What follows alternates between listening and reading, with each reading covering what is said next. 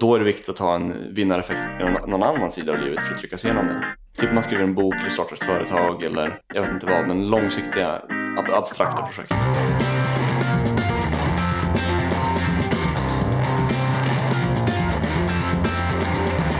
Tjena Ludvig, nu är det dags igen. Vad har du gjort för någonting den här veckan? Ja, jag har mest jobbat, men jag var på en sån här floating. På... Har du släppt en floater? Nej, jag var på... jag var flöt i en vattentank som är helt svart. Och så blev jag mindre stressad när jag gjorde det. I 90 minuter gjorde jag det, det är dubbeltid. Med eller utan musik? Nej, det var väl kanske lite musik första minuterna och sista minuterna, men annars var det helt tyst. Det var, alltså 90 minuter tror jag var lite länge för mig, men 50 minuter som är en tid, det hade varit bra. Jag blev i alla fall betydligt mindre stressad efteråt. Jag var rätt stressad när jag gick dit. Jag gjorde det där för riktigt länge sedan. Jag tyckte det var lite, lite småtråkigt, men en, en lustig grej är att de varnar innan för att man kan få panik, att en del får det. Men det är väl folk som är klaustrofobiska. Jag tror inte jag är det. Antagligen. Så fick man välja också, tror jag, om man ville lyssna på valsång eller inte. Mm. Jag tror att jag valde valsång i början som sen skulle tonas bort. Mm.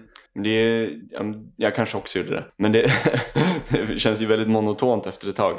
Eh, jag kände att jag fick ut, eh, ja, jag fick ut nästan allting efter ett visst antal minuter. Jag vet inte hur länge, kanske 50 minuter och sånt där. Det var ganska svårt att mäta tid när man låg där, för det, det gick väldigt lång tid.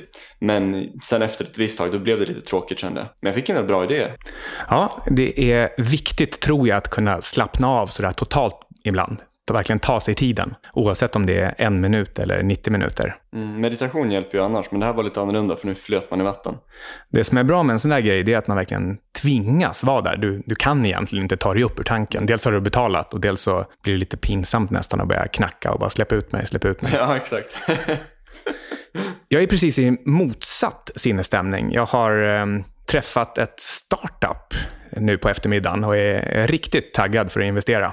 Mm, kul. Men, ja, jag ska inte säga vad det är för någonting. Det får. Eh, det får komma senare. Men de frågade faktiskt om, eh, om vi vill intervjua dem någon gång i, i framtiden när, eh, när det har lossnat. Idag ska vi prata om vinnareffekt och att hamna i en positiv loop. Mm, det är kanske det bästa motivationstipset i min eh, både erfarenhet och åsikt. Kan du sammanfatta lite vad du egentligen menar med begreppet? Ja, alltså istället för att säga åt folk att så kallat liksom, hitta sin passion så borde man egentligen säga åt dem att komma in i en vinnareffekt. Det är som en film, lite som en sån här action movie montage. Typ Rocky eller Karate Kid, liksom, you're the best around. Mm, ja, men precis. De eh, övar ett slag eller en viss spark eller någonting. Man ser hur de är taffliga i början och så blir den bättre och bättre och sen förstår man att de, de kommer ju vinna den där fighten. Mm, exakt. De flesta, tänker jag, de vet ändå inte vad deras passion är. Och därför så blir det lite svårare att rekommendera folk att just följa sin passion. Jag tänker att det är, det är lätt att man blandar ihop det här med ja, helt enkelt någonting man tycker är lite kul att göra på fritiden. Mm. Men du menar att man ska följa lite grann ett annat recept? Ja, alltså tänk efter sen. När var sista gången som du var riktigt motiverad att slå ett rekord eller överträffa dig själv på något sätt eller vis. Och eh, vad var det för aktivitet som du gjorde då? Om man tänker sig tillbaka, när var det sist och vad var det för någonting? Ja, det handlar om att eh, spelifiera sin tillvaro lite grann. Alltså det man på engelska kallar för gamification. Man, eh, man mäter sina framsteg så att man ser till att man hittar små vinster. För får man vinster så blir man triggad att anstränga sig ännu lite mer eller att eh, göra mer av samma sak och därmed få fler vinster. Mm. Det är alltså allt som är egentligen mätbart. Det här, man, det här hör ihop ganska mycket med det som vi snackade om i förra avsnittet. Om eh, beteendeförändringar och vanor och sådär. Det är lite samma metoder som gäller. Bara att eh, vi snackade inte just om det här då. Utan vad det här handlar om det är att göra en aktivitet där man gradvis får eh, framsteg och det går bättre. Och på så vis så ökar ens motivation. Och när du gör det mycket under en längre tid, inte bara gör det tillfälligt motiverad utan det sätter sig i din fysiologi och din hjärna. Så att du får högre testosteron och dopaminnivåer. Vilket gör att du helt naturligt är mer motiverad än andra personer. Mm. Och lite konkreta exempel det kan vara att Olle i förra avsnittet, om han väger sig varje dag och ser att han, han, han tappar något hekto då och då, då blir det ännu roligare att eh, hålla igen på maten, för han vet att nästa gång han ställer sig på vågen, då har han antagligen tappat ett hekto till. Mm, exakt. Om man går ner gradvis från kanske 100 kilo till 70 kilo under en längre period, då är det väldigt enkelt att fortsätta vara konsekvent och fortsätta hålla sig till en diet eller vad man nu gör för att gå ner i vikt. Och, eh, och så vidare, och bara hålla sig till det. Medan det i början är svårt. Jag har ju själv gjort det här med bloggen. Precis i början när du berättade för mig ja, hur man gör när man bloggar så fick jag också några verktyg för där man kunde följa sin ranking eller sin besöksstatistik. Och då, då blir det liksom extra kul att skicka ut någon notifiering eller ett mejl till, till de som läser för att öka den där siffran ytterligare lite grann. Det där det upplevde jag också med min blogg medan den fortsatte liksom hela tiden växa uppåt när jag jobbade på den i början. Eh, men gym är det bästa exemplet på winner effect och liksom gamification. För det finns så många olika variabler du kan hålla på och tweaka med. Eh, du kan mäta dem, du kan försöka slå nya rekord, du kan försöka få in variation, du kan testa nya sätt att göra övningar på. Du kan försöka slå rekord som är en rep max eller kanske rekord på tre, tre stycken reps max. Liksom. Just det där eh, som du säger där, det är en sak som annars är lätt att missa. För att man tror att det enda rekordet man ska mäta det är en rep i bänkpress. Ja. Men eh, då har man helt missat själva idén här. Idén är ju att skapa så många mål och så många områden att du alltid har några där du vinner. Mm.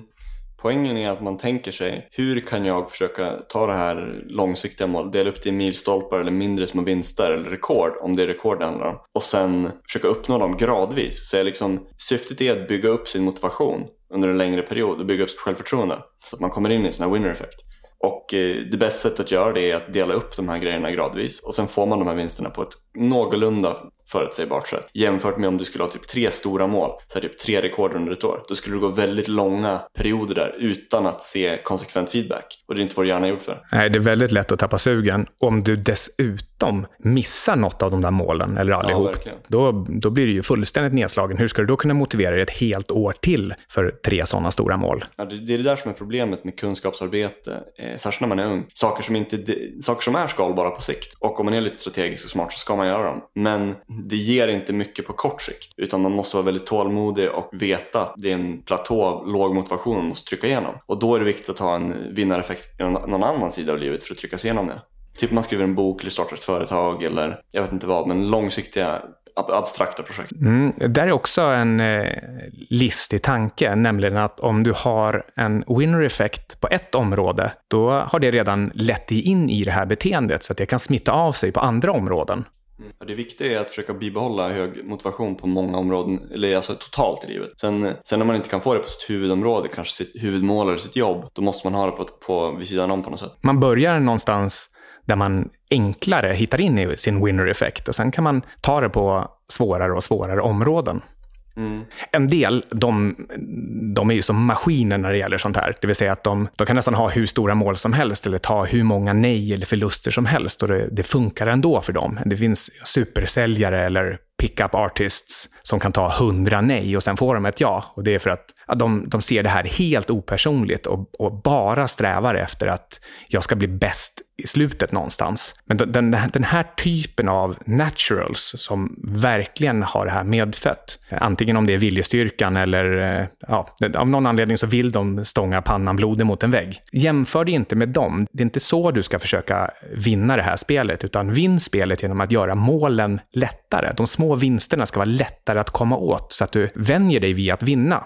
Jag kommer att tänka på tv-spel. Alltså dagens tv-spel nu, de är perfekt gjorda för det här. Så om man tänker sig, om man, om man spelat något tv-spel, vare sig det är så här nötiga mobilspel, eh, typ Candy Crush, eller om det är RPG-spel tidigare, när du har stats där du tydligt ser att det går upp hela tiden. Typ nu fick du plus 1 i strength, plus 10 experience, då så har du en mätare hela tiden. Allting mäts hela tiden liksom. Väldigt lite du behöver göra själv för att känna att oj, nu går det framåt. Ja, man kommer ju alltid framåt känns det som i, i dagens tv-spel. Man får alltid vinna. Vissa steg kan visserligen vara oerhört svåra, men du behöver aldrig kastas långt tillbaka, utan det sparas automatiskt. Spelen är gjorda så att du, du, får den träning du behöver på vägen via minibossarna, så att du är förberedd när du kommer till storbossen. Så här var det inte alls när jag växte upp. Nej, men jag, jag minns, jag spelade sådana här SNES-spel på en emulator när jag var liten, så var det de här Mega Man-spelen, jag vet inte om du spelar dem? Nej, jag spelar inte just dem. De var brutalt svåra. De är precis vad du snackar om, så här, innan de lärde sig införa all den här gamification-psykologin i spelen. Det var skitsvårt att klara de banorna.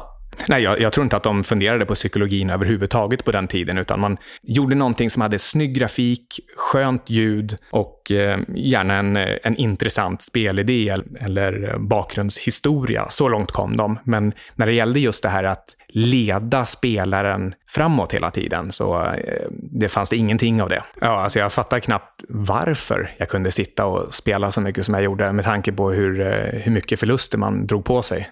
ja, men jag, jag måste säkert ha gått igenom skitmånga sådana där spel när jag var liten som bara, men det här, det här är inget kul, jag förlorade direkt. Men eh, i och med att jag var mobbad i skolan också så kanske jag tyckte att jag är redan en fullständig loser-effekt på alla områden. Så det här känns helt naturligt. Mm, det kan ha varit så. Alltså. Du, du är ju, det, det är den perfekta, det perfekta exemplet av att vara en loser-effekt när du är mobbad. För då, allt du gör blir du bara nedrackad för. Och det sätter sig i din fysiologi och du får dålig hållning och allting. Jag hade dålig hållning också. Eh, en av de första tjejerna jag träffade, hon eh, sa verkligen att kom igen nu, sträck på dig. Gå, gå som om du ägde världen. Och jag tänkte verkligen att det känns ju så oerhört onaturligt att vara där en decimeter högre upp än jag brukar vara. Men det är veckans mindset, winner effect vinnar eller förlorareffekter, hur din biologi påverkar ditt risktagande. För det sätter sig i din fysiologi, i din hjärna. När du hela tiden håller på och gör saker som går uppåt och du belönas för det, då bygger du självförtroende och du, du vet att du har en ganska hög baseline med vad du kan göra. Och sen när du hela tiden klarar nya saker, då, då får du dopaminkickar för att försöka klara de här nya rekorden. Och sen eh, via, via lite längre perioder när du gör den här feedbackloopen, då sätter det sig i din hjärna och du får mer dopaminreceptorer och du får också mer, vad heter det, androgena receptorer för testosteronet. Mm, Okej. Okay. Och de här två, alltså dopamin och testosteron, de, de, har en, de är en slags synergistisk feedback loop. Så att om du har väldigt mycket testosteron, då kan du tillgodogöra dig mer dopamin. Men om du har väldigt låg, dopamin, väldigt låg testosteronnivå, då är det svårare att bibehålla hög dopaminnivå. Även om du skulle stimuleras av saker.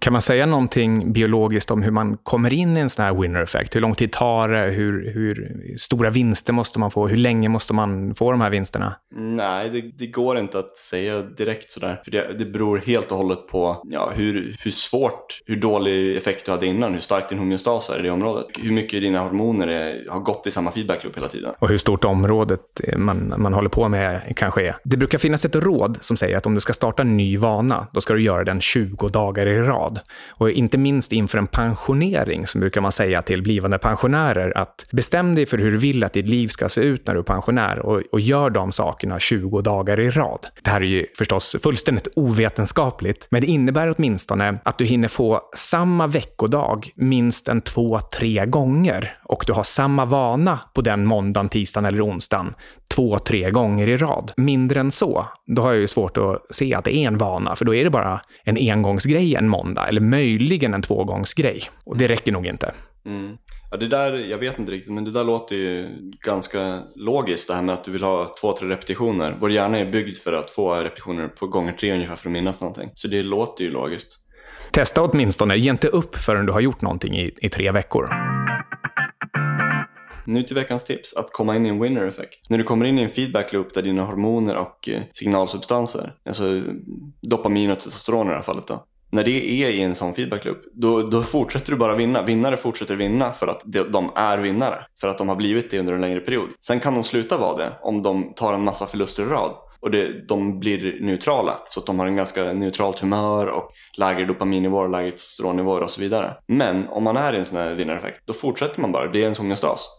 Det är ens naturliga state. Medan om du är en förlorareffekt, en, en loser-effekt, du har låga testosteronnivåer, du har låga dopaminnivåer och så vidare. Och du är dåligt humör hela tiden. Då är det som en självuppfyllande profetia att du bara ser hur du kan förlora och du försöker inte ta några risker för du blir bara straffad för det och så vidare. Då har du sänkt kampvilja, det är lättare att tappa sugen för du vet att jag kommer ju ändå förlora så det är liksom ingen riktig idé att anstränga mig. Medan tvärtom, när du är i en vinnareffekt, då eh, märker du att du har lite försprång och du vill behålla försprånget. Och det, är, det är kul att göra sakerna du gör och det är kul att utöka försprånget. Och det här sker helt automatiskt. Mm. Det, det behövs väldigt lite för att bara fortsätta. Medan det behövs jäkligt mycket mod och motivation för att trycka sig ur en förlorareffekt och fortsätta trycka sig ur den tills den ger sig. Om, om man går in på några konkreta sätt att komma in i winner-effekt då är det egentligen att, ja, som sagt, dela upp aktiviteten i målet i delmål eller milstolpar. Eller små rekord man kan klå hela tiden. Gör det mätbart. Det ska vara mätbart. Du ska ha någon siffra som går att se att det går att göra framsteg. Och sen beror det också på vad du är för sorts person. Vissa personer är motiverade av att bara kolla på siffror och se att det går upp där.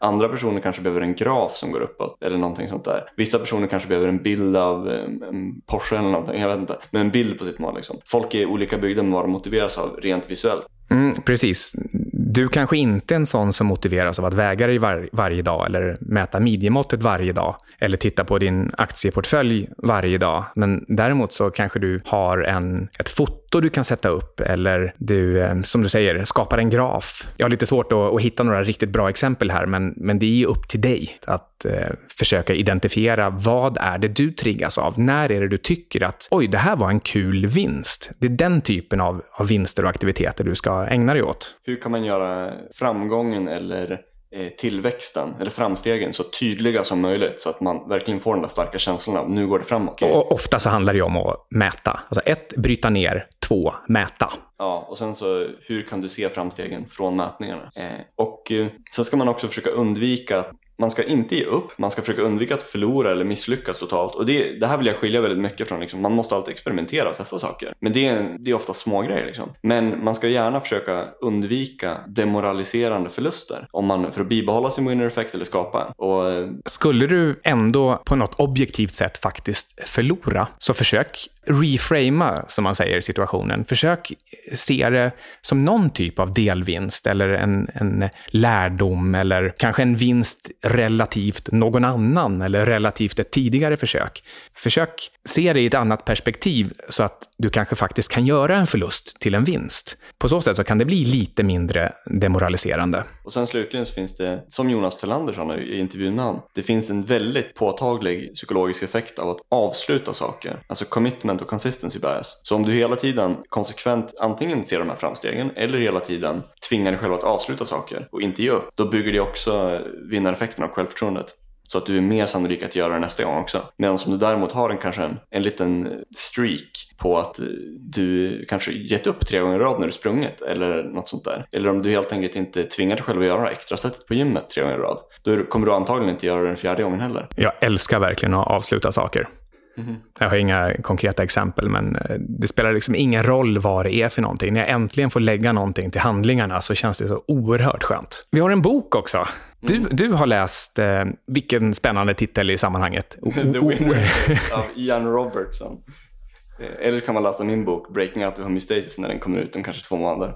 Och eh, ja, den här boken, Winner Effect, den handlar om vad vi snackar om idag, men mycket mer teoretiskt. Och eh, berättar om diverse olika historiska exempel på folk som har gått in i det här. Och ett, ett, ett riktigt bra exempel från den boken som jag gillar, det är det här med hur de har medvetet, sportcoacher har medvetet byggt upp sina lag eller sina atleter, typ Mike Tyson eller vissa fotbollslag, till att få enkla vinster många gånger i rad. Till exempel John Wooden som hade ett basketlag. Det här nämns inte i boken men det är ett välkänt exempel för alla som kollar på basket. John Wooden som är världens bästa basketbollcoach. Han, eh, de vann hur många matcher i rad och sen var det, deras lag var nästan ostoppbart. Du kan också kolla i världshistorien med arméer. Arméer som vunnit många gånger i rad har en oerhört hög moral och det är väldigt svårt att klå dem även om de är färre. Jag märkte tydligt av det här fenomenet med winner effect när jag jobbade som förvaltare.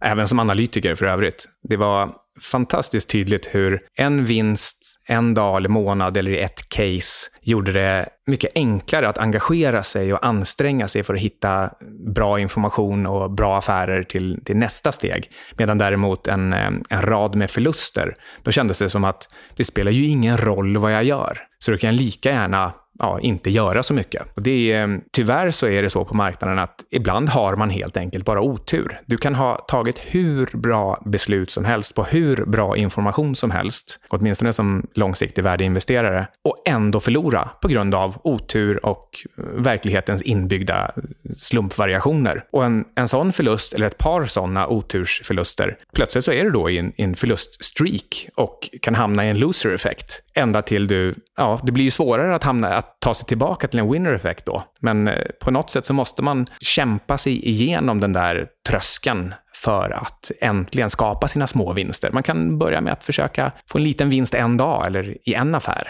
Ja, det där är intressant för det är två aspekter av det där som är lite konstiga. Eh, för det första så, som, som till exempel förvaltare, det är oerhört abstrakt och eh, du kan inte nödvändigtvis påverka arbetets resultat på samma sätt som många andra jobb kan eftersom du kan inte styra över marknaden. Eh, och samtidigt så måste du ta den när det går dåligt och vara väldigt eh, resistant psykologiskt mot det. Så det är ett bra exempel där. Men samtidigt när du får många förluster, det är, vi är byggda så bara att då, då får du mindre motivation att jobba hårt. Så då måste man helt enkelt göra någonting. Du vet väl bättre än mig vad man gör då. Men Eh, så det är en aspekt som jag tycker är intressant i det där. Och sen den andra grejen är att om du däremot kontrasterar det, något som inte är ett kunskapsjobb alls och där du verkligen kan påverka resultatet, där du verkligen gynnar sig att vara en winner effect. Typ om du är en proffsatlet om du är en säljare, om du är en underhållare eller någonting sånt där. Där ditt egna humör och att du är en winner effect och din motivation, det avspeglas direkt i en slags reflexiv feedback loop på resultatet. Så om du är en winner effect kommer du, vad du än gör, få ett bättre resultat än om du är en neutral effekt, neutralt humör eller en loser effekt. Som investerare så finns det väl kanske ett recept man kan ägna sig åt och det är helt enkelt att stoppa förlusterna. Du kan neutralisera ut hela portföljen, kanske sälja allting. Det är lite svårt som proffs, men eh, som privatinvesterare så kan du göra det. Bara helt enkelt ta en riktig paus. Då har du i alla fall inte, då är du i alla fall inte längre i en loser effekt. Och sen därifrån så kan du börja med enstaka affärer, affärer som du förhoppningsvis känner är bombsäkra. Små, väl förberedda, Eh, eller kanske till och med lufttrada, torrtrada, torrsimma till du har en, en streak av, av vinster och då kan du ge dig in i marknaden igen på allvar. Annars så kan jag ju komma ut här jag är varken i en winner effect eller en loser effect. Man kan i princip säga att sen jag slutade jobba för ett par år sedan så, så står jag lite grann och stampar. På, eh, på gymmet så händer det inte så himla mycket. Jag, har tagit 140 kilo i bänkpress eh, i sex år. Jag har inte tagit det hela tiden, men jag tar det nu och jag tog det för sex år sedan. Jag hedgar som äter upp andra vinster och eh, mycket av mina investeringar är onoterade, så det finns liksom inga, inga riktiga vinster att visa upp där. Mm. Ja, det kan ju vara svårt psykologiskt då. Eller kanske inte svårt, men neutralt i alla fall. Men, men nu har vi bara snackat egentligen om att det är så positivt med winner effect och det är det generellt. Särskilt om du är i de här jobben, prestationsjobben, där ditt humör och din motivation direkt avspeglas. Sådana personer, har du någonsin tänkt på att det är alltid de personerna, så här proffsatleter och eh, artister och sådana personer, det är alltid de som tror på Gud eller law of attraction eller sådana grejer. Så här självuppfyllande profetior. Och det är inte konstigt. Det är för att det gynnar dem att tro på det. Medan om du är en kunskapsarbetare, då gynnar inte det du måste vara rationell. Eh, och det är problemet med att om du är en riktigt stark winner effect, eh, du blir irrationell och du blir för spontan. Det är inte bra om du är en beslutsfattare till exempel. Nej, och det finns en risk att du blir påkörd från sidan plötsligt. Ja, ett skitroligt exempel det är Kanye West. Han är ju lite megalomaniac liksom. Och eh, otrolig winner effect måste han ha haft. Helt otroligt. Mike Tyson också. Och båda de har gjort otroliga finansiella misstag. Kanye West blev ju bankrupt nyligen, eller kanske ett år sedan, för han gick in i klädbranschen. Han kunde ingenting om det. Han trodde hans kunskap och kompetens var helt överförbara. Bara för att han var helt inne i sin winner effect liksom. Trodde att hans egna humör och hur grym han är skulle påverka hela den branschen. Och då blev han bankrupt liksom. Fan, får skylla sig själv driver du ett företag eller entreprenör eller någonting och sen har du ett antal vinster under en, under en period så tror du att det du gör är det rätta. Alla beslut du tar kommer alltid vara de rätta. Ja, du gör det, det du kan och sen plötsligt så kommer någon eh, online-konkurrent som bara springer om utan att du förstod vad som hände. I, i det här fallet med typ Kanye West, så här, det, det har gynnat honom skitmycket att vara på bra humör och vara oerhört motiverad och så här, yeah yeah stå och skrika på scenen och vara konstig. Men det gynnas inte så mycket när han var tvungen att tänka rationellt i sitt företag. Sammanfattningsvis så kan man säga att eh, tänk på att det är så här som vi har pratat om idag. Vi människor, vi fastnar ofta i loopar och spiraler. Identifiera var du är i eh, en sån här winner eller loser effekt så du vet om du bör ändra någonting eller om du tvärtom ska göra mer av vad du redan gör. Tänk också på att du är i olika faser i olika områden, men att vinnareffekter i andra områden antagligen smittar av sig och gör det lättare att hamna rätt även i andra. Så du kan till och med försöka gamea det här genom att skapa små vinster där det är lättare för dig och då kommer vinsterna även på de andra viktigare områden sen. Och ett trick för att hamna i en vinnareffekt, det är att dela upp dina aktiviteter i delmål. Fundera ut vad din vision är och tänk ut vilka steg som krävs för att komma dit eller ditåt. Sen bryter du ner stegen till riktigt små konkreta aktiviteter och se till att markera eller fira varje framsteg på ett tydligt sätt. Lite som mellanstegsbossarna i ett datorspel. De har tänkt igenom det här psykologiskt, därför bör du också göra det. Man kan generellt säga att kanske 5-15% är i en slags vinnareffekt av någorlunda styrka. 60% är nog ungefär neutrala och resten är kanske en någorlunda svag eller kraftig förlorareffekt. Jag tror att jag är på gång snart. Snart jag, har jag tagit mitt break i livet och tar mig in i en vinnareffekt igen. Alltså det, det, kan ju ta lång tid att fatta ett stort beslut eller ändra till ett riktigt nytt stort mål om man har haft ett annat stort mål som man uppnått och man behöver ändra. Men när man väl har bestämt sig, då måste man själv ta ansvaret för att skifta sin homeostas och bygga om sitt belöningssystem och komma in i en winner effect som driver en framåt mot det målet. Så att du inte behöver använda viljestyrka för att göra de där grejerna utan du är naturligt motiverad att ta dem mot målet. Du har lyssnat på 25 minuter med Syding och Sundström. Det här produceras av tradevenue.se och klipps av Johan Olsson. Du får jättegärna lämna ett betyg på iTunes